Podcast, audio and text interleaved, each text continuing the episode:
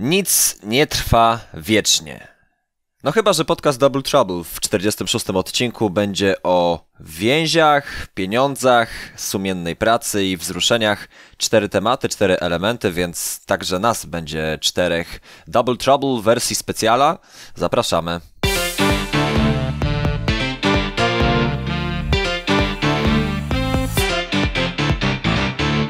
Wydawało się, drodzy Państwo, drodzy słuchacze, że są cztery pewne rzeczy, które dotyczą funkcjonowania świata. To śmierć, podatki, Robben schodzący z prawej strony do środka boiska na lewą nogę i Messi w Barcelonie i między innymi o tym będzie ten specjal, bo e, jesteśmy zaskoczeni. No właśnie, zaraz się okaże, jak też tutaj nasi e, ludzie z hot take'a, e, przede wszystkim Bartek. Cześć Bartek. Cześć, już się bałem, że powie słowo ekspert, więc y, Nasi miałem czołowi na eksperci. Weź, weź, nie obrażaj mnie. Adam Fabisiewicz. Nie ekspercko witam się z wami, cześć. I Piotruś Tomalski, ekspert. Tak, ciekawe od czego. Dzień dobry. Ekspedient. Nie będę przytaczał rozmów spoza y, tak zwanej anteny, y, spoza anteniu. Y, słuchajcie, panowie, a właściwie to rozpocznę od razu od Piotrka, skoro już tak ekspercko chcesz się wypowiedzieć. Messi, Barcelona. To była taka więź i chyba jest dalej więź, która jest w tej chwili już w stanie to skomplikowany. Taki status pewnie na Facebooku mogliby sobie ustawić w tej chwili Argentyńczyk i Barcelona. No, wydaje się, że tak. No, to było stare, dobre małżeństwo, tylko że w końcu ten związek się wypalił, no i najwyraźniej i w Barcelonie, i Messiemu przydałaby się może nawet nie tyle co krótka przerwa, co po prostu rozstanie, pożegnanie się, pomachanie białymi chusteczkami i odjechanie wsiną dal na y, tutaj w tym przypadku prawdopodobnie niebiesko-białym rumaku, bo głosy o tym, że Messi trafi do City są coraz głośniejsze, ale szczerze mówiąc już od dwóch lat tak przewidywałem, że w końcu to małżeństwo musi upaść, bo Messi ma już miał już tak dużą władzę, już tak ogromną wręcz władzę w Barcelonie. On się zachowywał jak pewien jak pewien polityk z Białorusi, który e, nawet nie z Białorusi i w Polsce możemy znaleźć takowego, który e, teoretycznie nie miał aż takiej wielkiej władzy, nie miał takiego wielkiego wpływu na dane państwo, a i tak swoje udało mu się wcisnąć i mniej więcej to samo działo się z Messim, który jest pracownikiem jak gdyby Barcelony, a tak naprawdę bawi się już w dyrektora, bawi się w prezesa tego klubu i on decyduje o tym, kto, kto będzie w tym klubie, kogo nie będzie, będzie i jak będzie ten klub działał, więc no już po prostu nadmiar tej władzy odbił mu już e, tak, że w pewnym momencie to musiało pęknąć, no i w końcu, mm, choć dziwnie to zabrzmi, ale w końcu to pękło. Ale skoro tutaj Piotrek dopatruje się analogii do Aleksandra Łukaszenki a propos Leo Messiego, no to Adam, e, co, co można powiedzieć o Josepie Marii Bartomeu? Ja jeszcze tylko słówko co do tej analogii Łukaszenka-Messi. Y, różnica jest zasadnicza, a mianowicie taka, że Białorusini e, jednak za Łukaszenką nie przepadają i to widać bardzo wyraźnie, a za Messim e, Barcelończycy jednak w większości płaczą i są w nim bezgranicznie zakochani to widać po protestach po, pod Camp Nou, po tym, że, że to jednak wszystko zwala się na ogół na Jose Mari Bartomeu. Ja powiem wam szczerze, mm, nie jestem, nie jestem przekonany, czy to, czy to jest dobra e, droga dla Barcelony, w sensie zwalmy wszystko na prezesa i powiedzmy, że to on jest oczywiście zły, bo, no bo jest zły, to prawda. Barcelona finansowo stoi świetnie, ale sportowo y, tragicznie, no bo tak to trzeba ocenić. Tylko teraz pojawia się pytanie, na na ile y, sportowa słabość Barcelony wynika z tego, że jest to drużyna tak zdominowana, nawet jeśli nie sportowo, to mentalnie przez Messiego i jego e, wielkość, e, a e, na ile można to naprawić poprzez właściwe ruchy transferowe i co trzeba byłoby zrobić, żeby w klubie się polepszyło. Czy zwolnienie mm, Bartomeu coś da, czy pomoże faktycznie zespół odbudować? Ja mam poważne wątpliwości, bo w Barcelonie się zdarzały kryzysy i poprzedni mm, prezydenci też na ogół nie mieli wysokich notowań, począwszy, no nie wiem, chociażby można przytoczyć przykład E, Joana Laporty, który przecież był w czasach, kiedy Barcelona wygrywała, a i tak e, za specjalnie w klubie Socios go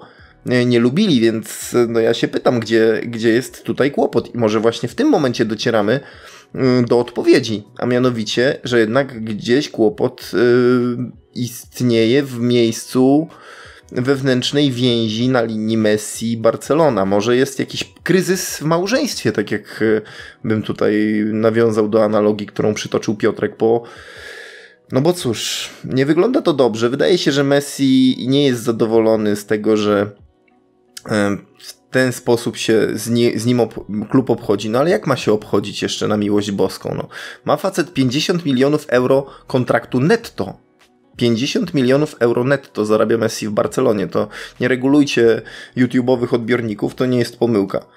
E, a nie mówimy o premia, premiach, kontraktach reklamowych i ja się zastanawiam, no, czego jeszcze chce ten chłopak. Oczywiście chciałby sportowej zmiany, no ale tę sportową zmianę chyba trzeba byłoby zacząć w pewnym sensie od niego. On musiałby pokazać kierunek e, Barcelonie, a tu wygląda na to, że on po prostu tupie nogą, ale wylewa dziecko z kąpielą robi krok radykalny maksymalnie. A ty Bartek, jak reagujesz na w ogóle tę historię, być może nawet operę mydlaną z Leo Messim? Znaczy, moja reakcja będzie zaskakująca. Zacznę od tego, jakie ostatnio informacje były powielane w rozgłośniach niderlandzkich. Było ich niedużo.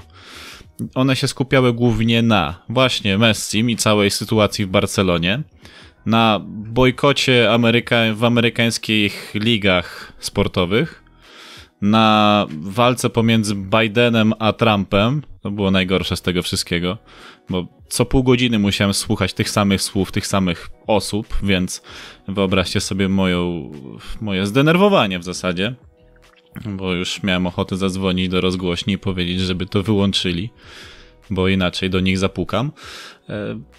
E, koniec końców y, widzicie, jakie to, jak mało było tych informacji i jak były one w zasadzie, no, mało ciekawe. To, to, to, to tak się wydaje, no, dla osoby, która stoi obok, ktoś sobie pomyśli, że no, coś nowego, jeju, coś się dzieje na świecie. No, ale dla mnie to było takie, a, machnę ręką posłucham sobie muzyki, która będzie leciała za kilka minut po tych e, serwisach informacyjnych. Co do samego Messiego, wiesz, jak sobie popatrzysz na historię samej Barcelony, to oczywiście, jeżeli chodzi o sekcję piłkarską, ja tutaj nie mówię o pozostałych sekcjach, szczypiornistów, koszykarzy i tak dalej, chodzi mi tutaj o sekcję piłkarską, to nie miałeś długowiecznych piłkarzy, którzy ci zapewniali e, wielowiekową chwałę, czy też nawet no, długowieczną chwałę e, dla tego klubu, bo ci zawodnicy przychodzili i odchodzili. No miałeś Laszlo Kubale, miałeś Johanna Krajfa, e, później jak Krajf jako trener zaczął sprowadzać zawodników z Niderlandów. Wyszło na to, że Ajax może na potęgę produkować zawodników dla tego klubu. E, to, to było produkowane za bardzo na potęgę. Pojawił się później Ronaldinho, teraz jest Messi. Zawsze ktoś dokładał do tego koszyczka e, Barcelony coś nowego, coś świeżego. Chociaż jak tak popatrzymy na całą historię, to chyba nikt nie dodał aż tyle, e, ile dodał właśnie Messi, bo on z niepozornego chłopaka wyrósł na być może top 2 w historii piłki nożnej, top 3 by się kłócili pewnie starsi fani, bo pewnie by dołożyli kogoś innego, no ale jeżeli chodzi o ilość trofeów, jakie miał już pominę, to czy te trofea były zasłużone, czy niezasłużone, bo wiadomo, ten konflikt z Cristiano Ronaldo, ciągła walka między tymi dwoma zawodnikami, to, to jest temat na inną dyskusję, ale cała ta drama, która teraz urosła, e, ja bym życzył sobie i myślę, że też wielu osobom tego, żeby to się jak najszybciej skończyło, żeby te humory i to wszystko e, zostało rozwikłane. No bo mówimy o człowieku, który ma na miłość boską 30 3 lata, jeżeli dobrze liczę, bo to jest rocznik tak. 8-7, czyli to jest rocznik Adama, jakby nie patrzeć. Adam, jesteście rówieśnikami. Więc. I mają dużo wspólnego. No, tak? Wiek. Co jeszcze macie wspólnego, Adam? Bez komentarza. A jednak chyba nie. No właśnie. Um, no wiesz, 33 lata to jeszcze nie jest koniec kariery dla zawodnika, bo on jeszcze może sobie pograć na takich powiedzmy wysokich obrotach, pod warunkiem, że będzie się odpowiednio prowadził, a że to wiemy, bo ma dobry tu z pracy.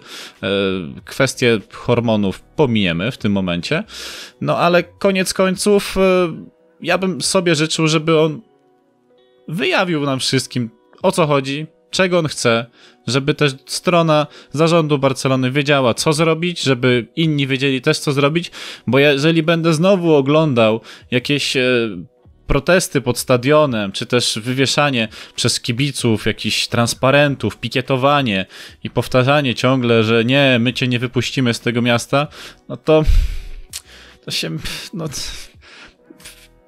to już jest za daleko posunięte, za, za daleko posunięte ruchy. Ja, wiesz, jeżeli w dobie tego, co mamy teraz, to może nawet jest ciekawe, no bo przynajmniej coś się dzieje, a nikt nie powiela ciągle informacji o tym, ile osób zachorowało, ile osób zmarło danego dnia.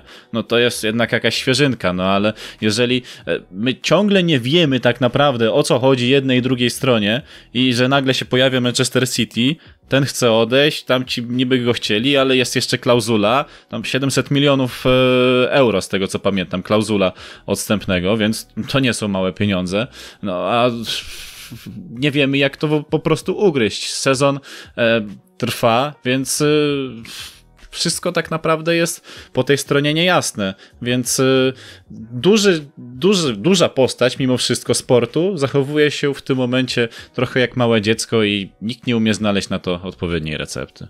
Ale powiem, powiem wam, że jestem trochę zaskoczony waszymi opiniami, bo przynajmniej chyba ja mam troszeczkę akurat odmienną. Znaczy, trzymając się jakby pewnych, pewnych faktów, no to ostatnie doniesienia, jak czytałem, mówią o tym między innymi, że e, Messi nie zamierza iść na wojnę w sądzie z władzami Barcelony i że chce ugodowo się spotkać, na co w ogóle nawet nie przystaje e, Josep Bartomeu, ponieważ on, on właściwie z Messim chce rozmawiać tylko i wyłącznie o przedłużeniu kontraktu, a jeżeli e, temat jest zupełnie inny, bądź retoryka jest inna, no to e, drzwi e, jego gabinetu dla Messiego i, jego, i jego taty, jego agenta jest zamknięte. No i tak zastanawiam się, powiem wam szczerze, czy to już jakby ranga, gdzieś e, toksyczność tego związku pomiędzy Messiem a Barceloną w tej chwili nie sięga e, totalnego zenitu, bo ja już od dobrych kilku lat mam wrażenie, że e, Messi stał, się trochę zakładnikiem własnego geniuszu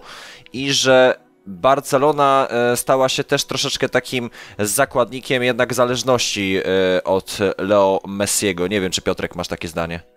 Wiesz co, wydaje mi się, że troszeczkę coś w tym może być, bo kiedy patrzymy na grę, nawet Barcelony, bardzo często ona się opiera, ba, bardzo często. Jeżeli tylko Messi jest na boisku, a jest prawie cały czas, wszystko kręci się wokół niego, kręci się wokół układu Y, układu, wokół Słońca, którym jest tam Leo Messi. On, on wiesz co, mam takie czasami wrażenie, że, że Leo Messi jest takim właśnie Słońcem Barcelony, to od razu mi się przypomina Korea Północna i władcy Korei Północni, y, Północnej, którzy właśnie też są otaczani jako Słońca Stary. Narodu. No i właśnie... Jakie ty masz skojarzenia dziś, Piotrek, dzisiaj? dzisiaj Łukaszenka, straszna, poli straszna polityka Północna. Tak. Wiesz co, wiesz co, najchętniej na temat Leo Messiego wypowiedziałbym się Podobnie jak były rzecznik rządu w czasie stanu wojennego, między innymi Jerzy Urban po śmierci y, Wojciecha Jaruzelskiego, a ja mam to w dupie, ale y, z racji tego, że dyskutujemy na ten temat, no to te parę słów y, dopowiem. No tak, Messi jest zakładnikiem Barcelony, a Barcelona jest zakładnikiem Messiego i w końcu trzeba to przerwać. Parę dobrych lat temu, bodajże to był sezon 07-08, czyli ten ostatni, kiedy Barcelona nic nie wygrała, do szatni Barcelony wkroczył Pep Guardiola, popatrzył sobie na Deco, popatrzył sobie na Ronaldinho, no fajni chłopcy jesteście, super fajnie, super gracie, fantastycznie, tam są drzwi. I mniej więcej to samo potrzebne jest zrobię, do, to samo jest potrzebne w Barcelonie, żeby po prostu wpuścić gwiazd, nową krew w sensie gwiazdy, po, po prostu na kimś innym zacząć budować klub, bo nie można budować klubu przez 20 prawie lat, no nie no, 20 to już jest delikatna przesada, ale 12 lat budować na jednym zawodniku to już jest delikatna przesada, też potrzebna jest tam świeża krew, no bo jednak Messi też może już być znużony cały czas wychodząc na Camp Nou, wszyscy go kochają, uwielbiają, może też chce zmienić sobie klimat, może on woli zarobić sobie trochę więcej w deszczowej Anglii, może chce jechać do Mediolanu, bo oglądać sobie ładne zabytki i burzący się San Siro, może też ma jakieś plany na życie, może też chce coś zmienić i to może jest idealny moment w końcu, żeby dokonać tych zmian, takich radykalnych, takiej rewolucji wręcz, bo jeżeli tej rewolucji w, w, pewnym momencie zabraknie, no to Barcelona obudzi się z ręką w nocniku, a Messi obudzi się jako 37-8-letni facet, który już wygrał wszystko, a nie zaznał smaku czegoś innego. I tego może mu brakować i tego może właśnie teraz y, chce i dlatego chce odejść, bo to będzie idealny pretekst. Obecny wynik Barcelony, ten półfinał z Bayernem będzie idealnym pretekstem do tego, żeby odejść z tego klubu, żeby poszukać sobie czegoś nowego. Takie mam wrażenie, możecie się ze mną zgodzić bądź nie. Barcelona teraz potrzebuje, mówicie o rewolucji, y, Piotrek, całkiem słusznie. Y, ten moment na rewolucję jest już w zasadzie tak trochę przespany, mam wrażenie, bo gdyby podjęto odpowiednio wcześniej pewne działania w celu zbudowania, przebudowania zespołu od podstaw, nie szafowania trenerami, zmian na ławce, tylko szukania czegoś nowego. No, ach, bo mm, z tym trenerem gramy za mało widowiskowo, to pozmieniajmy w trakcie sezonu, tu jakieś dziwne ruchy transferowe, sprowadzanie Bright White'a, potem nie wiadomo po co. Y, jakieś takie historie, które nijak nie, nie świadczyły o skoordynowanej i przemyślonej polityce transferowej transferowej, tylko potwierdziły, że Barcelona idzie w złym kierunku. Takie jest moje zdanie. Można było to mm, zrobić na zasadzie spokojnej przebudowy wokół Messiego. Wtedy ten proces nie byłby tak radykalny, jak musi być teraz, mam wrażenie. Bo tu już trzeba wymienić pół składu, tu Kuman musi, znaczy musi, no robi to tak czy owak. Wywala praktycznie wszystkich znaczących zawodników, to w jaki sposób to robi, to jest rzecz osobna, no bo przez telefon to nie do końca ładnie, no ale mimo wszystko e, robi to, bo wie, że trzeba dokonać gruntownych zmian, ugruntować sobie również pozycję trenerską w szatni, no ale nie, nie trzeba było robić tego tak radykalnie. Teraz to już jest y, proces nieodwracalny. Ja pamiętam kilka sezonów temu taką hi historię, że Ronaldo, czyli drugi y, z tych wielkich y, ludzi piłki nożnej, którzy no też po prostu nie wiedzą już co mogą nowego wymyślić, jeśli chodzi o, o samych siebie. Tuż po podpisaniu kontraktu takiego, jak sobie życzył, stwierdził, że on w Madrycie to on jednak jest nieszczęśliwy. No jak ja to przeczytałem, no uznałem, no dobra, śmiesznie. Gościu, który ma wszystko jest na świeczniku, e, uwielbia być w blasku fleszy i to ma, nagle stwierdza, że jest nieszczęśliwy, bo Messi znowu wygrał złotą piłkę, a nie on. E, co zrobił Florentino Perez? Stwierdził, że skoro chcesz iść do Juventusu, idź chłopaku do Juventusu płakać, za tobą e, nie będziemy i Real się z tego powoli podźwiguje. Realnie zanotował, e, moi drodzy, jakiegoś dramatycznego zjazdu. E, to był sezon kryzysowy po tym wielu e, trzyleciu sukcesów w Lidze Mistrzów.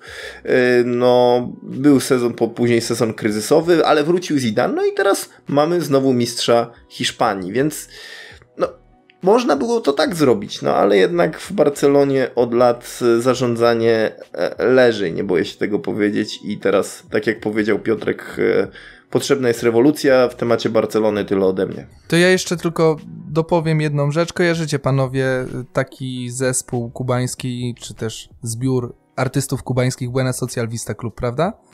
Oczywiście. Na Vista Social Club. Social Club. No to pewnie kojarzycie też Hasta Siempre Comandante. To ja bym tym zakończył w ogóle temat Barcelony. Ale, Ale ta polityka dzisiaj nas prześladuje tak na marginesie. Nie, po prostu lubię ten utwór i to nie chodzi mi o tre treść tekstową, tylko po prostu tak, muzycznie. Tak, oczywiście. Najpierw, najpierw e, Łukaszenka, potem Kim Jong-un, teraz e, zupełnie przypadkowo Fidel Castro. Tak, Vive la tak, revolution! I, I, też w ogóle mi się skojarzyło od razu z, z, z tym, że e, jak ty Piotrek powiedziałeś o Messim, że ch- chciałby zmienić swoje plany, że szuka alternatywy dla swojego życia, to tak już chyba znalazłeś mu mniej więcej miejsce na spędzenie wakacji. Białoruś i Korea Północna. I Gratulacje. na Kubę, trzeci kierunek Kuba. Ciepło, O, Kuba, słoneczko, rum, y, cygara, y, piękne kobiety, gra w kości. No, żyć nie umierać. Tak, wszyscy piją rum i palą cygarę. I, Piotrek, na jakim ty świecie i, Hawa, I? Hawana powolutku upada, każdy kolejny blok A w zaczyna Polsce padać. kotlety i ziemniaki.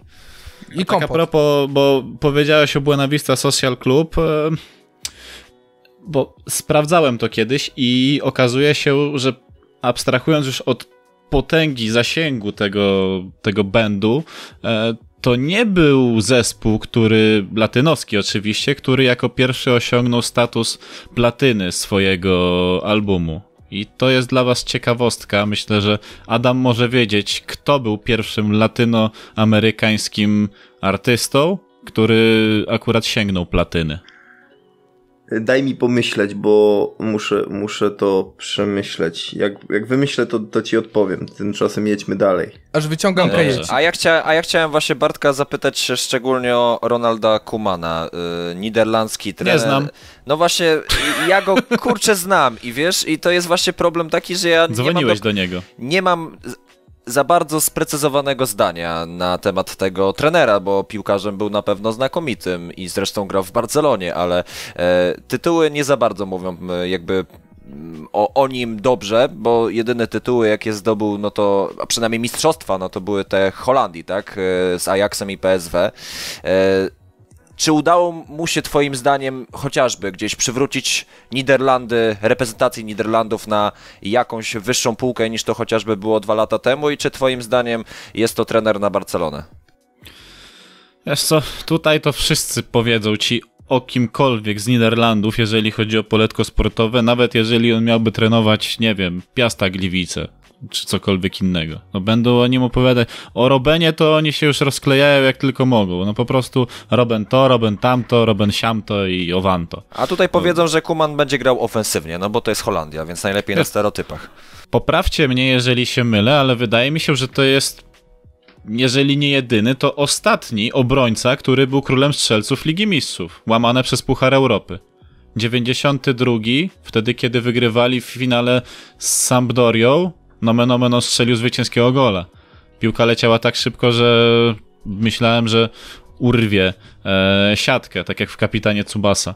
No ale Ostatnim i jedynym chyba w Lidze Mistrzów w ogóle, bo jeżeli łamane na Puchar Europy, to, to nie mam pewności, ale w Lidze Mistrzów był jedynym królem strzelców wśród obrońców. Tylko, że Barcelona nie wygrała Ligi Mistrzów wtedy, haha, haha, bo pierwszym klubem, który wygrał Ligę Mistrzów, to była Marsylia rok później, Adam. Mm, A, no tak, faktycznie, bo to był ostatni sezon Pucharu Europy Tak, jeszcze. tak, no to, tak, To, tak. to Kuman na pewno był ostatnim obrońcą, jeśli chodzi o, o tak jak powiedziałeś, o Puchar Europy łamany na Liga Mistrzów. Natomiast nie trzeba by sięgnąć, czy był ktoś wcześniej. Może w tych czasach ba- ultraofensywnego Bayernu. y, Tam mógł ktoś być, może, chociaż, myśl, chociaż myślę, że tam Nie, no przy takiej dyspozycji Gerda Ewentualnie- raczej wątpię. Ewentualnie Lucio tam e, mógł, ale on chyba maksymalnie cztery bramki strzelił. Tak, Lucio w tym sezonie, w którym zresztą przegrali e, finał z Realem Madryt w, na Hampden Park, e, to miał chyba cztery bramki, tak jak powiedziałeś, Krystianie. No tak, wtedy jeszcze grał w barwach Bayeru Leverkusen, a y, właśnie Bartek, co z tym, co z tym Kumanem, bo tak powiedziałeś y, o, o nim jako o piłkarzu, a trener. No trener, wiesz, jako trener reprezentacji to jakiś tam blask przywrócił, chociaż nadal ja jakoś nie wierzę w to odrodzenie reprezentacji Niderlandów jeszcze, bo to jest nadal taki zlepek nie wiadomo jakich zawodników, bo z jednej strony masz samych młodziaków typu Matthijs de Ligt, który jeszcze chyba jest nie, jeszcze chyba nie do, te, do niego to nie dotarło, że dotarł do, do takiego pułapu, gdzie jednak obrońcy muszą grać pierwsze skrzypce, a póki o, co on nie gra pierwszych skrzypiec, jeżeli chodzi o Juventus. Frankie de Jong to dobrze, przemilczę tę sprawę. Po prostu jest młody. Donny van de Beek to jeszcze to nie jest to. E, Dołączcie do tego Memphisa, który raz gra lepiej, raz gra gorzej. Ryan Babel, który nagle został odkopany z czeluści skądś tam, chyba z Turcji go odkopali wtedy, jeżeli dobrze pamiętam, no to dostajecie w tym momencie reprezentację Niderlandów plus y, twój ten, Virgil, wspaniały, którego za 75 milionów podpisali, e, więc... I to już nie jest takie śmieszne jak wtedy. No, no, nie jest takie śmieszne, ale samo to, że oni go wzięli, to już było dla mnie trochę takie, no, no dobrze. Temat na inną rozmowę. I on musiał coś z tego ulepić, bo przez tyle lat ta reprezentacja była taka nijaka. Zawodnicy byli pokłóceni. Zresztą w ogóle panuje takie przekonanie, i to też jak rozmawiałem z niektórymi moimi kolegami z pracy, czy też z ich znajomymi, oni jasno mówią, że sama reprezentacja Niderlandów to jest ogromny potencjał, tylko to jest bardzo wystrzelone w kosmos ego. Tam każdy jest przekonany o swojej wartości tak mocno, że jemu nie jesteś w stanie wytłumaczyć, że ej, ktoś może być lepszy od ciebie, albo ej, graj bardziej zespołowo. Nie, to nie są zawodnicy, którzy tak jak w latach 90., czy powiedzmy sobie w latach 70., yy, słuchali się jednak, starali się stosować taktykę E, czy to Rinusa Mikelsa, e, czy później wielkich jak, e, Boże, Hus Hiddink na przykład, e, to to teraz nie ma czegoś takiego. No i musiałeś nagle ulepić nową reprezentację. W zasadzie z dzieciaków, którzy jeszcze mają fiubździu w głowie, dostali ofertę z jakiegoś dużego klubu i pomyślą sobie, o co to ja nie, co to nie ja, okopię się w wieży z kości słoniowej i będę pokazywał środkowe palce całemu światu, a to tak niestety nie działa. I przez to właśnie reprezentacja Niderlandów dostała ciężko pod tyłku. Ostatni taki przykład mieliście w 2012 roku, co prawda dwa lata później ta reprezentacja zgarnęła trzecie miejsce na Mistrzostwach Brazylii, no ale to, jakich oni mieli oponentów. No. Kostaryka to był chyba najmocniejszy rywal, jakiego mieli w ogóle na tym turnieju. Um, więc e, idąc tym tropem, no, Kuman był kolejnym trenerem, który musiał coś załatwić, ale w tym momencie to bardziej chyba zadziałało, zadziałał fakt, że jakoś nie musieli rywalizować z innymi na dużych turniejach, więc mieli czas, żeby sobie trochę poukładać niektóre tryby. Ja jestem ciekaw, czy, bo rozumiem, że euro będzie za rok, tak? Bo ja jestem no, trochę tak. nie po kolei z tymi wszystkimi, bo ciągle wychodzą jakieś nowe rzeczy i trochę już mi się mózg lasuje od tych nowych, od tych całych informacji, więc jeżeli zobaczymy tę reprezentację Niderlandów, która nam pokazała na tym fajnym turnieju e, sprzed roku, że można jednak e, grać zespołowo jako reprezentacja Niderlandów, to myślę, że Kuman osiągnie e, swój zamierzony cel, no bo nie zapominajmy, że on jako zawodnik grał pomimo swoich atrybutów bardzo zespołowo. On się umiał dostosować do, do reszty drużyny. Mało tego, on przecież grał no, w, no, w Barcelonie jako zawodnik, to no, no musiał jednak stosować się do pewnej, e, do pewnej filozofii, która tam była wpajana każdemu zawodnikowi. Więc jeżeli on to doświadczenie uda mu się jakimś cudem przenieść na tych młodych, jeszcze e, naburmuszonych e, zawodników, no, nie zapominajmy, że teraz mamy trochę inne czasy i trochę, trochę inaczej się patrzy na rzeczywistość i te sprawy, więc to z automatu się przenosi trochę na mentalność sportowców, ale jeżeli on weźmie to, co dobre z tamtych czasów i uda mu się to wdrożyć w tych chłopaków, to ja widzę jakiś cień nadziei dla tej reprezentacji, no bo koniec końców to jest. Yy reprezentacja, czy też nacja w ogóle z wielkimi tradycjami piłkarskimi. A Kuman e, to jest człowiek, który dobrze wie, z czym to się je i dobrze pamięta, jak to jest, kiedy się wygrywa coś wielkiego. Więc e, na ten moment dajmy mu jeszcze kredyt zaufania, bo wiesz, e, Krajw pokazał, że można jednak być dobrym zawodnikiem i dobrym trenerem. De Boer pokazał, że można być powiedzmy sobie dobrym zawodnikiem, ale trenerem byle jakim, bez względu na to, jak, jaki on klub nie prowadził, czy to Ajax, czy to Valencia, czy cokolwiek innego. Um, o Jezu, a... Intermediolan na przykład. O, to, to zostawmy to Wojtkowi. E, a, a teraz dostał poważne zadanie kibice mu ufają, myślę, że e, myślę, że w, wszyscy też w, w reprezentacji mu e, mogą zaufać, no bo też dla wielu jest on jakimś wzorem do naśladowania, więc na razie poczekajmy, póki co idzie mu całkiem dobrze. E, najgorsze co może być to znowu wystrzał tego ego, tak jak e, wy wszyscy będziecie pamiętali mecz z Portugalią 2006 rok po golu Manisza. Portugalia przeszła dalej, a łącznie 16 kartek zostało pokazanych wszystkim zawodnikom na boisku, więc tego ja nie chcę i takie coś może zniszczyć reprezentację Niderlandów i cała nadzieja w tym, żeby Kuman jednak to wszystko poukładał. Tak, i mecz Portugalia-Holandia to chyba, chyba cały czas dotąd najbrutalniejszy mecz, jeżeli chodzi o historię Mistrzostw Świata.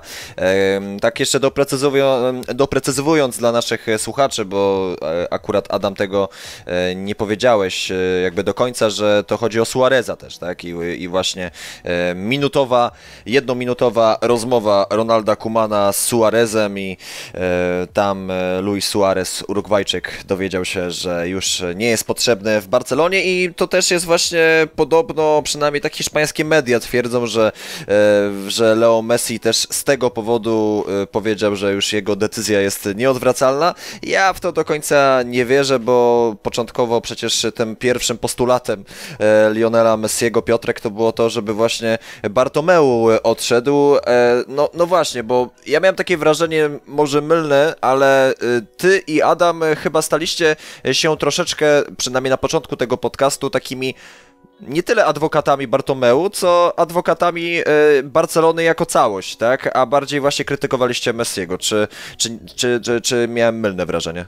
W moim przypadku miałeś mylne, bo dla mnie krytykę, krytyka powinna dotyczyć obu stron, bo i jaśnie pan panujący nad Camp Nou Bartomeu dokonywał beznadziejnych ruchów transferowych, między innymi, plus cała ta akcja też z tymi hakerami, plus teraz te, te sytuacje związane z wyborami w Barcelonie, gdzie też dochodzi do po prostu cyrków. Tak wydaje mi się, że, że obie strony zawiniły i najlepiej dla całego klubu będzie, jeżeli obie strony powiedzą, dobra, mam to tam, gdzie miał y, pogrzeb jaruzelskiego Urban i niech odejdą obie wsiną dal, bo potrzebna jest tutaj praca u podstaw. Tutaj jest potrzebne, wydaje mi się, odbudowanie e, takiego, może nie tyle co barcelońskiego stylu, co tego modelu, który był wypracowany jakiś czas temu, czyli e, wyciąganie tych młodych chłopaków zdolnych z La Masii i stawianie na nich bo jest, jak popatrzymy na Barcelonę, jest wielu takich fajnych chłopaków, czy byli też wcześniej fajni chłopacy w tejże drużynie, którzy mogli spokojnie być w tej chwili rezerwowymi, bądź nawet i wskakiwać do pierwszego składu, ale wylądowali gdzieś w jakichś kazamatach w ogóle europejskiej piłki, czego przykładem jest na przykład Mieć Legnica, która miała dwóch chyba byłych barcelonistów e, u siebie i tak się pokończyły ich kariery, a mieli naprawdę ogromne talenty i można było ich jeszcze wyszlifować, tak ściągano jakiegoś Osmana Dembele za stobanie, który jeszcze kończąc swoją przygodę w Borussii Dortmund było wiadomo, że on też będzie robił duże cyrki w Barcelonie po jego zachowaniu. E, czy ściąganie zawodników pokroju Longle, ściąganie Arturo Vidala, podstarzałego, e, podstarzałego byczka, który bardziej niż na piłkę patrzy na nogi rywala z ogromnym uczuciem i chętnie by je połamał niż trafiał w piłkę. Piotrek, a także e, wejdę ci jeszcze w słowo i od razu oddam ci głos, ale sobie wynotowałem właśnie te naj, najlepsze w cudzysłowie, w cudzysłowie e, transfery Barcelony i to oczywiście jest moja opinia, że te transfery po prostu e, są totalnie nieudane, albo po prostu nieudane. I tutaj kolejno. Griezmann, Neto, Wypisałem też Braithwaite'a, chociaż trudno było jakby po nim oczekiwać fajerwerków, tak? Ale on jest w tym gronie też troszeczkę absurdalnych e, transferów, przynajmniej, przynajmniej w mojej opinii. Dalej Junior Firpo, Malcolm, którego już nie ma w Barcelonie. E, wyobraźcie sobie, nie wiem czy wiecie, ale Barcelona za zarobiła na Malcolmie 1 milion euro, ponieważ kupili go za 41 milionów e, z Bordeaux i sprzedali go do Zenitu za, za 40, więc no akurat tutaj 1 milion milion do przodu, natomiast Kevin Prince Boateng, e, Arturo Vidal w mojej opinii nie, nie do końca, e, Coutinho, Dembele, Semedo, Andre Gomes, Paco Alcacer, Arda Turan, ależ, ależ Vidal. Piotr, proszę Piotrek. dziwię się, że ta lista jest tak krótka. Myślałem, że może jeszcze parę nazwisk się tam znajdzie. Choć wydaje mi się. Znaczy brałem ostatnie 5, 5 lat, brałem pod uwagę. No i właśnie w przeciągu tych pięciu lat tyle no nie bójmy się tego słowa. Szrotu za ogromną kasę trafiło do Barcelony, gdzie jest kilku naprawdę fajnych młodych zawodników, którzy mogliby wejść w tej chwili do drużyny. Akurat co do Griezmana bym się nie do końca z tobą zgodził z jednego powodu. Wydaje mi się, że on w Barcelonie po prostu gra nie na, na nieodpowiedniej dla siebie pozycji, bo kiedy popatrzymy tak. na reprezentację Francji, on tam jest głównie dziesiątką, tak, schodzącą czasami do skrzydła, więc to jest jego pozycja, tylko że w Barcelonie on nie ma możliwości się pokazać na tej pozycji. Dlaczego? Dlatego, że pewien pan z dziesiątką na plecach gra na tej pozycji, więc nie ma możliwości, żeby go tam w ogóle wpuścić. Jak przecież wielki Leo Messi nie zgodzi się na to, żeby przejść na inną pozycję, na przykład na szpicy, gdzie on też mógłby się doskonale odnaleźć, ale nie, Leo Messi jest nietykalny. No i właśnie... Ale to, ale to w sumie ciekawe, czy właśnie Kuman ma pomysł na Griezmana w postaci właśnie dziewiątki, wiesz, bo e, skoro Suarez ma odejść, e, oczywiście po tej telefonicznej rozmowie, e, no to zastanawiam się właśnie, czy Francuz nie osiągnie znaczy, czy może osiągnąć jakiś renesans formy? Wiesz co, pytanie zasadnicze będzie takie.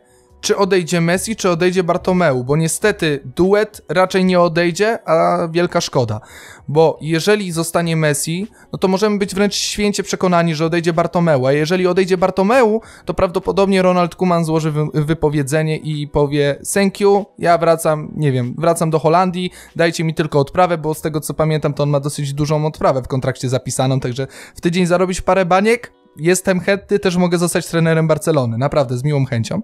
E, więc nie wiadomo, czy zostanie wtedy Kuman, tak? Więc nie wiadomo, czy w ogóle jego pomysły zostaną wprowadzone w życie, więc trzeba też brać i na to e, poprawkę. No, ciężko jest w ogóle tutaj w tej sytuacji znaleźć e, konsensus, znaleźć jakiekolwiek rozwiązanie, które byłoby korzystne dla jednej i dla drugiej strony, dlatego najlepiej będzie obie strony odstrzelić z miejsca i po prostu zacząć nowy rozdział w życiu Barcelony w roku 2020, w sezonie 2021 z nowym trenerem, z nowym prezesem i z nową gwiazdą w zespole. Bo jeżeli tak się nie stanie, to może wkraść się już chyba nawet marazm i skończyć się tak, że Barcelona będzie no, nawet już nie marką taką światową. To znaczy marką będzie nadal, no wiadomo, tutaj historia robi bardzo wiele, jeżeli chodzi o ten klub, zdobywane trofea, czy te ostatnie lata w wykonaniu właśnie Barcelony, one bardzo dużo e, jej dają do popularności i to będzie tak samo jak z Manchester United, że nie będzie dało się wręcz ich e, zbić z tego um, szczytu popularności, ale to będzie drużyna, która nie będzie przynosiła wielkich korzyści yy, w no po prostu nie będzie wyników takich, jakich oczekują kibice, a kibice oczekują co najmniej dubletu co sezon i najlepiej jeszcze zwycięstwa w Lidze Mistrzów, no a tego obecna Barcelona nie jest w stanie zrobić, nawet jeżeli ściągnęłaby Jurgena Kloppa i całą drużynę Liverpoolu do siebie, bądź całą drużynę Bayernu z Hansim Flickiem, to i tak zostałby tam Messi, który robiłby kwasy, bo mam takie wrażenie z każdym kolejnym rokiem, że Leo Messi zaczyna robić w tej, w tej szatni coraz większe e, kwasy, trzyma się z Luisem, Gryzakiem, Suarezem i tylko we dwóch sobie e, chodzą, cieszą się życiem i są nietykalni. No, takich ludzi nie powinno być chyba w żadnym klubie, tym bardziej jeżeli mówimy o pracowniku, a nie o dyrektorze. Pracownik Ale to jest, jest taka trochę... tykalny. Wiesz co, to jest taka trochę wyidealizowana. Ja jestem idealista, chyba. no. Viva Revolution. Znaczy, A ja no, mam cztery ale, nazwiska, ale, których nie wymienił nikt. Tak, ale ja jeszcze zanim Dobra. wymienisz Bartku te nazwiska, to odpowiem ci najpierw na twoje pytanie, bo chyba wymyśliłem tym latynoamerykańskim artystą był prawdopodobnie Carlos Santana. Yy, nie. A, a, no to dobra, to zaraz powiesz, a teraz zanim zapomnę, to jeszcze dołożę od siebie. Ja w żadnym wypadku nie zjeżdżam e, Leo Messiego i nie bronię Bartomeu, żeby była jasność. Powiedziałem to zresztą wyraźnie, że facet okay. chaotycznie klubem zarządza, y, to, że robisz sukces finansowy, to nie znaczy, że potrafisz zrobić sukces sportowy i to widać ewidentnie w Barcelonie. To wszystko, co powiedział wcześniej Piotrek, co powiedziałeś ty, Krystianie, e, potwierdza tylko moją e, konkluzję, mianowicie, że chaos w Barcelonie dosięgnął granic absurdu i e, to już jest droga bez powrotu, jak dla mnie. To znaczy, mówicie, ktoś musi odejść, Bartomeu i Messi, a moim zdaniem E, to będą naczynia połączone. E, to, że Messi odejdzie jest dla mnie jakoś dziwnie pewne. No, tak szacują media w Hiszpanii, że 70 do 30, ostatnio to nawet 80 do 20 urosło, że Messi już praktycznie jest po słowie e, z Manchesterem City, chociażby, chociażby dlatego, że tam ma swoich ludzi, jest Fernan Soriano, jest e, Chiki Begirisztajn, jest oczywiście jak wiadomo, e, Guardiola, więc tutaj może to być ten czynnik, który Messi, Messiego już ostatecznie przekonał. A wiadomo, jeżeli Messi odejdzie, no to Bartomeu będzie pierwszym złym do odstrzelenia, więc też w klubie mm, nie zostanie. Także dla mnie sytuacja w Barcelonie jest dosyć jasna, co nie zmienia faktu. Ja też się tutaj zgadzam z Piotrkiem dzisiaj wyjątkowo często, ale taka, taka jest też moja obserwacja, e, że Messi jest człowiekiem, który w Barcelonie znaczy zdecydowanie zbyt dużo w tym sensie, mm, że każdy związek, który wykracza poza pewne mm, ramy normalności, kiedy każdy wie, co ma robić, jaki jest jego zakres zadań, mm, staje się związkiem toksycznym. No i tak to w Barcelonie wygląda, no bo jeżeli y, przypomnicie sobie taki obrazek z mundialu e, w Rosji bodajże, kiedy trener e, Jorge Sampaoli pyta się Messiego, Leo, kogo wpuścić, kogo wpuścić? Wtedy się z tego śmialiśmy. Mówiliśmy, dobra, Sampaoli nie, mm, nieudaczny i tak dalej, nie umiał poradzić sobie z ego wszystkich piłkarzy, których ma na boisku, no ale do cholery przecież ten sam Sampaoli prowadził wcześniej z sukcesami Sevillę chociażby, no. Więc ja się pytam, no, czy to do końca tak można nazwać, że ktoś jest po prostu słabym trenerem i, i dlatego, dlatego wina na pewno leży po stronie trenera, a nie, nie widzimy trochę tej winy po stronie Messiego, no to była dla mnie obserwacja wtedy zastanawiająca. Dzisiaj ona się staje bardzo krystalicznie, niemalże wyraźna. E, że to jest problem też po stronie samego piłkarza, w sensie problem mentalny, bo to jest wielki sportowiec, ale jeżeli nie umiesz oddać kawałka swojego poletka, no to problem się będzie e, pogłębiał raczej, a nie zmniejszał. To teraz a ja Bartek? mogę. Tak. E, to tak wracając do tego muzyka, to jednak zwracam ci honor, Adam, bo się pomyliłem w wyrazie. Mianowicie nie muzyk, a raper, no nie? E, bo muzyk faktycznie, Santana i to już w 69, podwójna platyna za swój debiutancki album, ale rapera, to sobie pomyśl, y, który raper był pierwszym latynoamerykańskim e, wykonawcą, który zdobył y, właśnie platynę. E, cztery nazwiska mi się przypomniały i myślę, że tutaj ciebie też podłączę do tego, e, które były niewypałami w Barcelonie. Na pewno Eidur Gudjonsen, chyba raczej nie, nie trzeba komentarza. Edgar Davids też był według mnie niewypałem. I dwa nazwiska bardzo kontrowersyjne. Juan Roman Riquelme i drugi to będzie naprawdę kontrowersyjny, ale według mnie e, jednak Javier Saviola.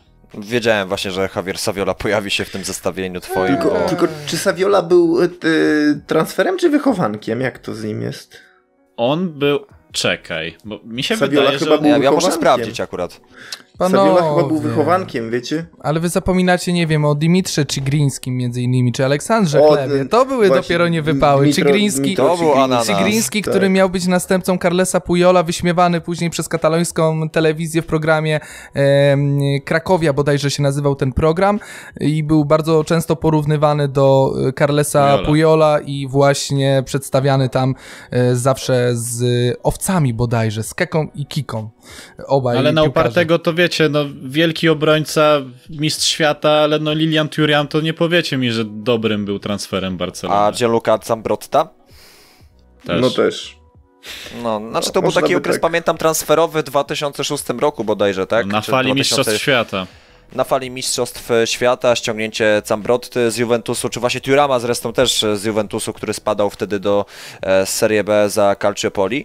E, natomiast e, na, natomiast no, właściwie z, ja tam z twoimi zawodnikami, których wymieniłeś Bartku, no to akurat bym się zgodził w 100%, bo o ile ja tego Riquelme, no nie mam prawa pamiętać stricte jakby z czasów kariery w Barcelonie, ponieważ byłem zbyt mały, żeby to pamiętać. Bardziej pamiętam już schyłek jego kariery i zwłaszcza Mistrzostwa Świata w 2006 roku. Tym bardziej nie pamiętam Dawidsa, e, ale e, myślę, że e, możesz mieć akurat w tym, w tym rację. Dobra panowie, bo jedziemy z tym Messim i Bartomeu, natomiast trochę polsko musi być. Musi być trochę polsko, a akurat my mamy Polski ku temu... Messi. Mamy tak, mamy ku, ku temu powody. Co prawda nie wiem, czy Robert Lewandowski drybluje tak jak Messi, chociaż w sumie znając Oj. jego to myślę, że e, bardzo by chciał się nauczyć i e, prędzej czy później to zrobi, bo e, cytując Bartku Kenkę, zrobiłeś to chłopak. No tak, no znaczy, wiesz co, wyczucie piłki Lewandowski ma na bardzo wysokim poziomie. Nas by zrobił z zawiązanymi oczami. Nawet byśmy od tego, tego nie zauważyli. E, ale wiesz co, z Lewandowskim jest o tyle ciekawa sprawa, że ja znaczy, to, przez to miałem ochotę w ogóle wykasować się z jakichkolwiek mediów społecznościowych. To mówię oficjalnie tutaj. Miałem ochotę wyłączyć się i z Twittera, i z Instagrama, i z Facebooka, i ze wszystkiego, co mam, e, bo mnie to już po prostu zaczynało nie tyle w nie będę przeklinał, wkurzało mnie to. Po prostu mnie to wkurzyło, że znowu środowiska w Polsce wyczuły turbopolskość w wykonaniu Roberta, której inni nie zauważyli. I znowu było, wiecie, poletko, że ci z lewej, na tych z prawej i tak dalej. Ja już stwierdziłem, że mam tego podziurki w nosie. Chłop wygrał Ligę Mistrzów z, to duży jego, naprawdę duży udział był e, w zwycięstwie Bayernu właśnie po jego stronie, a my zamiast się cieszyć z tego, to znowu wrzucaliśmy jeden na drugiego. Taki miałem flashback jak po wygranym meczu z Chinami na Mistrzostwach Świata w koszykówce. E, zamiast się cieszyć ze zwycięstwa trudnego i bądź co bądź nawet pyrrusowego, no bo to okupiliśmy sporymi siłami, to, to jednak e, nie było takiej narracji, że w studiu w, w pewnej stacji telewizyjnej e, eksperci i prowadzący cieszyli się ze zwycięstwa i po prostu e, mówili, o, tu fajnie zagraliśmy, było super, no nie, jedziemy z tym dalej, tylko było, nie, ten faulował tamtego, tu nie powinno być takiego faulu, tu powinni nam dać osobiste i tak dalej po co to komu jest potrzebne? Zamiast no jak też była gadka o komentatorach, sędziach, tak? Tak, no, ale mówimy o Chiny Polska. Jedno, jedno usprawiedliwienie, tylko, y, znaczy wtrącenie, tam był jeden człowiek, który w studiu próbował bronić tego zwycięstwa, jakby aspektów y, tego zwycięstwa, a mianowicie Mirosław Noculak, ale niestety był skutecznie zagłuszany przez innych i to trzeba też przypomnieć. No ale to taki tylko w trend, żeby oddać panu Mirosławowi sprawiedliwość pewną, żeby nie no było, i, że... No i teraz to samo miałem, jeżeli chodzi o Polaków, którzy jednak, no, znaczy ja nie oglądałem finału Ligi Mistrzów, przyznaję się bez bicia, no, ale ci, którzy oglądali, czy też mieli przyjemność to śledzić, no to widzieli, że no, Lewandowski, wiecie, to zdjęcie, że on e, kucając miał flagę e, za plecami polską, przed sobą Puchar Europy, e, no to, to, zdjęcie już na cały świat. Tylko, że wkurza mnie to, że nagle my jako naród nie potrafimy cieszyć się z tego, że człowiek w bardzo znaczącym dla piłki nożnej klubie e, z Polski zrobił coś tak ogromnego, na co czekał latami. Nie udało mu się w 2013 roku z innym klubem, chociaż e, wcześniej popierał się kapitalnymi e, meczami, chociażby z Realem Madryt. Teraz w końcu wyszło, ciężką pracę w to włożył, e, wiele wzlotów i upadków na poletku reprezentacyjnym. E, a my zamiast mu gratulować, dziękować mu za to, że miał duży wkład w to, no bo od czasów Zbigniewa, bo dobra, od czasów Jerzego Dudka, no nie mieliśmy chyba takiego Polaka, który miał tak duży wpływ na zwycięstwo e, klubu w, w bardzo ważnym turnieju piłkarskim, e, więc e, tym bardziej powinniśmy być zadowoleni z tego i powinna nas rozpierać duma, a zamiast tego to znowu krzyki jednych na drugich, dlaczego nie zwracacie na to uwagi, bo to teraz powinno być tak, już wszyscy na biało i czerwono powinniśmy być. Nie, no, mam tego, mam tego naprawdę dosyć i to był taki impuls, na szczęście to był impuls chwilowy, nadal jestem aktywny i nadal istnieję w mediach społecznościowych, nie, wiem, nie wiem jak długo pociągnę z tym, e, ale sam fakt e, tego, że Robertowi się w końcu udało, dla mnie to jest super. E, ja czekałem na ten moment i, i wiecie, tak Chciałem, żeby Lyon wygrał e, Puchar Europy, no bo jako kibic, no dziwne by było, jakbym tego nie chciał. Nawet jeżeli naprzeciwko staje Bayern z Robertem Lewandowskim jako e, głównym strzelcem tego, tego klubu. Nie udało się, no ale e, co by nie mówić, no to oddaję Lewandowskiemu co, co, ces, co cesarskie, tak trochę parafrazując te słowa, że jednak to on był królem e, w tym meczu półfinałowym i to jemu się udało dojść tak daleko, jemu się udało zwyciężyć, więc ja się cieszę i myślę, że wy też się cieszycie i nie macie takiego czegoś, tak jak e, część Polaków, że ojeju, dlaczego tak słabo polskości teraz jest u nas, skoro ja, ja, Polak tak ja, dobrze się spisał. Ja tylko dodam, Bartku, żeby troszkę cię może rozluźnić i, i też żebyś się nie musiał tak z tych mediów społecznościowych wymiksowywać. W nagłówkach nie do ogarnięcia, zapewne znanej wam kultowej witrynie, pojawiła się mm, taka informacja tuż po finale, a zapewne już jutro w wiadomościach nagłówek. Zarządów PO-PSL Lewandowski nie wygrał Ligi Mistrzów, czyli no tak a propos e, wątków politycznych w tym podcaście to jeszcze, ale to przynajmniej troszkę, żeby luźniej było e, o tym mówić, bo abstrahując kompletnie od e, polityki trzeba powiedzieć jedną bardzo ważną rzecz. Lewandowski wgrał w klubie, który E, wygrał wszystkie spotkania w tej edycji Ligi Mistrzów. Po raz pierwszy w historii tak się wydarzyło. Nikt tego nie zrobił wcześniej. Przed Bayernem e, ustanowił e, chyba strzelecki rekord, tak czy owak, prawda? Poza tym gdzieś mi mignęła statystyka, w której on był, mm, miał jednocześnie, był królem strzelców e, trzech... Hat-trick. Tak, hat-trick, trzech lig, czyli był e, w Lidze Mistrzów, w Pucharze i w Lidze. Nikt tego przed nim nie zrobił, więc no czy ten chłopak musi coś jeszcze udowadniać, a oczywiście znalazły się też historie romantyczne, no bo e, Lewandowski wielokrotnie podkreślał, że jego idolem sportowym był Kobe Bryant, kiedyś się z Kobe Bryantem sfotografował, no i w mediach społecznościowych pojawiło się zdjęcie, e, które przypominało, że no, Kobe był jego idolem, a w dniu, w którym Robert wygrał Ligę Mistrzów, przypadały urodziny Kobiego Bryanta, tragicznie zmarłego wielkiego koszykarza NBA, e, więc e, to tyle ode mnie, jeśli chodzi. Wielka, wielki, wielka rzecz, ale ja mam dziwne przekonanie, że to jeszcze nie ostatnie słowo, które powiedział Robert Lewandowski. A jeszcze taką ciekawostkę udało mi się wyciągnąć, bo gdzieś mi mignęło, że to było pierwsze od wielu lat spotkanie, Lewand... znaczy nie w finale, ale w półfinale Ligi Mistrzów, to było pierwsze od wielu, wielu lat spotkanie Lewandowskiego z Marcelo, bo wcześniej oni się, yy, oni się pojedynkowali jako odpowiednio Lewandowski, zawodnik Lecha Poznania, Marcelo Wisły Kraków, a teraz y, historia e, przytoczyła im zupełnie inny scenariusz, bo się spotkali w półfinale Ligi Mistrzów odpowiednio Lewandowski, Bayern, Marcelo, Lyon. I to też takie ciekawe, że po wielu, wielu latach y, są w zupełnie innych, y, wiecie, w, zu w zupełnie innym miejscu, a i tak los sprawił im e, takiego, może nawet nie figla, ale no taki uśmiech od losu, że po, po wielu latach znowu się ujrzeli i mogli sprawdzić, jak to teraz z formą wygląda. Piotrek? Tak. Nie Co śpi. u ciebie? Nie śpię. Nie, tak szczerze mówiąc, ten y, sam finał, bo to, że Lewandowski wygrał, w jakim stylu on wygrał i co zrobił przez ten rok, no jest niepodważalne i pokazuje po prostu klasę samą w sobie tego zawodnika, plus też klasę, tak mi się wydaje, osobistą przez te wiele jego zachowań, mm, czy to w mediach społecznościowych, czy poza nimi. Ale mnie osobiście w wielu momentach ten finał po prostu bolał. I to nie chodzi mi o grę, tylko to, to, też o czym mówił Bartek, o media społecznościowe, bo z jednej strony mieliśmy osoby, e, które no